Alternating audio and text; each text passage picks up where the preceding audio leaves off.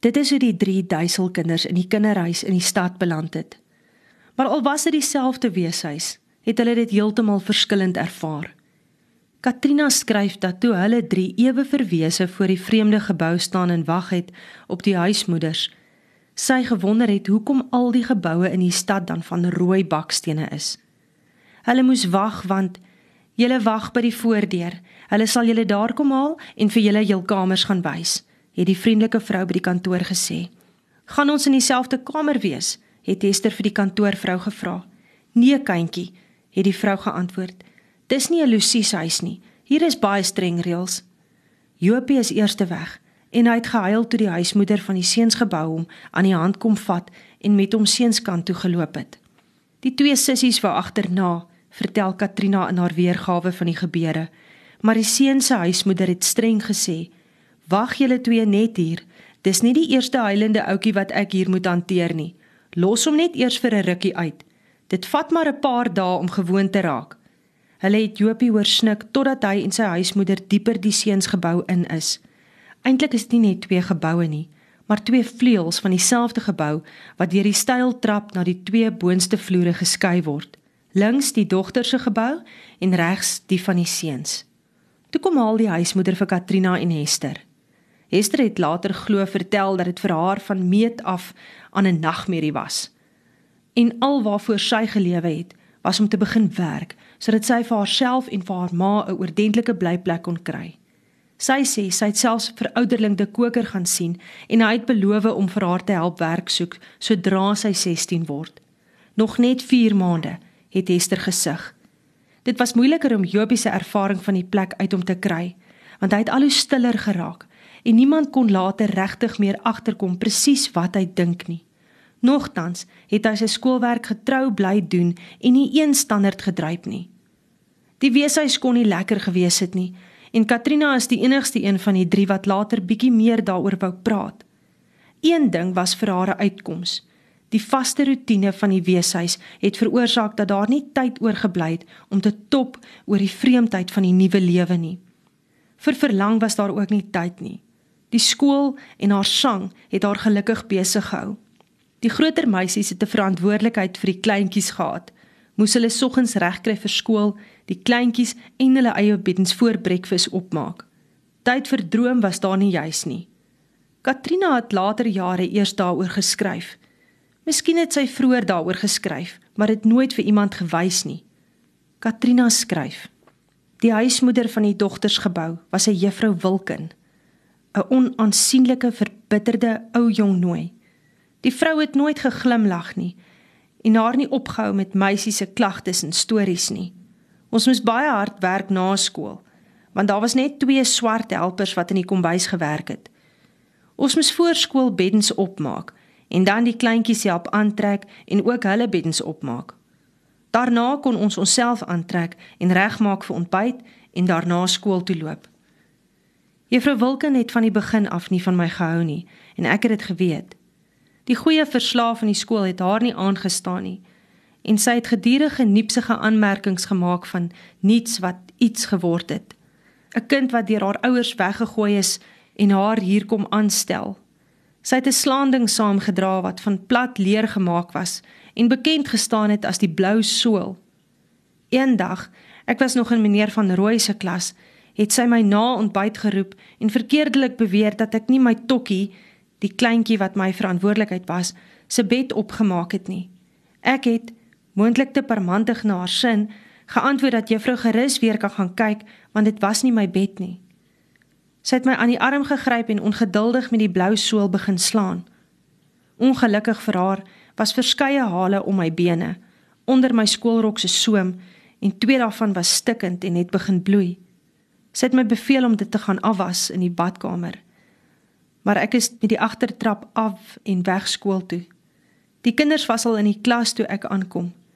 Meneer van Rooi wou weet hoekom ek laat is en die trane het begin rol. Hy het die rooi merke en die bloed aan my bene gesien en ek het dramaties die verhaal vertel. Ons is skoolhoof toe. Dit was die eerste keer dat ek die hoof van naderby sien. My juffrou Gous het ek geweet is haar naam. Sy het my vir 'n hele rukkie so sit en bekyk en toe gevra: "Wat is jou naam?" Sy het stil gebly en afgekyk op 'n vorm voor haar op die lessenaar. "Amlet Catherine Duisel?" het sy gevra en stip na my gekyk. "Ek is Katrina," het ek bangerig geantwoord. "Van waar af kom julle?" Ek het nie geweet wat sy eintlik vra nie en sy moes dit gesien het want sy vra: "Kom jy nie van Muur se hoop af nie?" "Ja, juffrou." Hoe kon ek anders antwoord? Ek het verwag dat sy ook negatief sou reageer, maar sy het nie. Jy lyk presies net so mooi soos 'n kind wat jare gelede daar by my in die klas was. Ek het gewag dat sy verder praat. Kathy Murray. Dit is my ma. Ek het so gedink want jy lyk presies soos wat sy gelyk het. Is sy nog op Varkensfontein? Nee, juffrou. Sy's ook hier in die stad. Sing jy ook so mooi? Pragtig, het meneer van Rooi gesê. Amazing Grace, het sy gevra. Ek dink ek het gebloos. Ek sal haar graag wil sien, het juffrou Gous gesê. Maar laat ons nou eers hoor wat die huidige probleem is. Meneer het verder vertel. Juffrou Gous het die voorsitter van die weeshuisraad, ek dink dit was 'n dokter Brink geskakel. Dokter Brink het my kom oplaai en weeshuis toe gery. Die weeshuishoof, mevrou Wessels, was verbaas toe sy my saam met die man sien inkom. Toe hy klaar vertel het hoekom ons daar is, het sy na my gekyk. "Hoekom het jy nie eers na my toe gekom nie?" Sy was nie juis vriendelik nie. Ek was klaar laat vir skool. Ek dink nie sy het my geglo nie, maar dit het vir my gevoel of sy meer ontsteld was omdat ek skoolhoof toe is terwyl sy salig onbewus van haar hele betalje is. Ek vermoed sy het sekerlik stilletjies gewonder of ek die saak nie met opset publiek gemaak het nie. Sy was reg. Ek het die naam van 'n moeilike kind gekry en die weeshuispersoneel het byna almal negatief daarop gereageer en die lewe was nie baie aangenaam by die weeshuis nie. Die personeel was oor die algemeen nie hoog besoldig nie en het nie mense getrek wat elders 'n beter posisie sou kon beklee nie. Ek het later jare besef dat hulle ook maar almal moes vat wat hulle kon kry en dat kinders en liefde vir kinders nie 'n al te groot rol in hulle lewe gespeel het nie. Mevrou Wessel se man het vroeër jare 'n beroerte gehad en was mank met net een normale hand. Hy het baie onduidelik gepraat en kon baie kwaad word as hy jou op die perseel raakloop en jy nie kon verstaan wat hy van jou verlang het nie. Ons het ons altyd vinnig uit die voete gemaak wanneer hy ons gewaar het, want hy was al te handig met die hand wat nie verlam was nie. Hy is omtrent in my standaard 7 jaar oorlede en die bestuur het besluit dat 'n weduwee ongeskik was as bestuurder. Van toe af het dit met my ook effens beter gegaan, want die nuwe bestuurder was my meer simpatiek gesind. Ek het ook 'n naweek huis toe gegaan en ouderling te koker gaan sien. Ek was in standaard 8 en ek moes volgens die reëls aan die einde van daardie jaar die skool verlaat om as verpleegster opgelei te word of oorgeplaas word na 'n huishoudskool of fabriekskool. Juffrou Gous het ook met die dominee gaan praat en my resultate gewys. Drie van ons is op grond van ons prestasie toegelaat om in die hoërskool te bly. Mits borge gevind kon word en ons prestasies volgehou is. Ouderling de Koker het beloof om my te help. Hy het in standaard 9 het juffrou Gous my laat roep. "Het jy vir jou ma van my vertel?" het sy begin. "Ek sal haar graag weer wil sien." Onthou sy vir juffrou Gous? Sy onthou, maar sy het gedink juffrou is destyds weg om te gaan trou.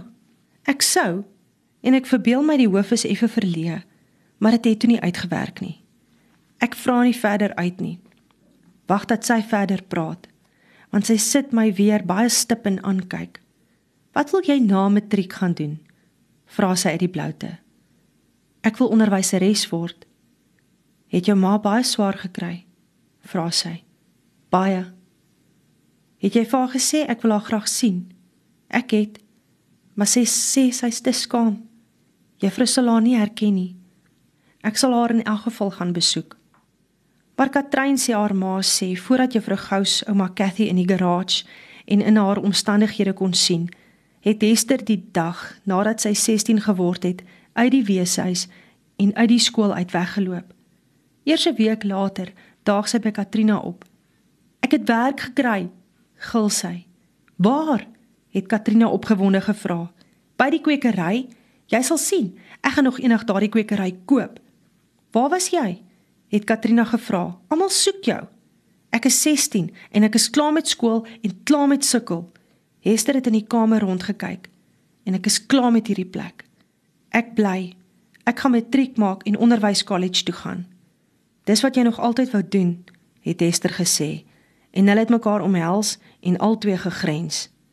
En ek het vir my en ma 'n kamer by die kwekery gekry. 'n Kamer met 'n badkamer en 'n toilet wat in die badkamer is. Hester het geloop om vir die huismoeder te gaan sê. Katrein sê haar ma sê die res van haar storie is nie interessant nie.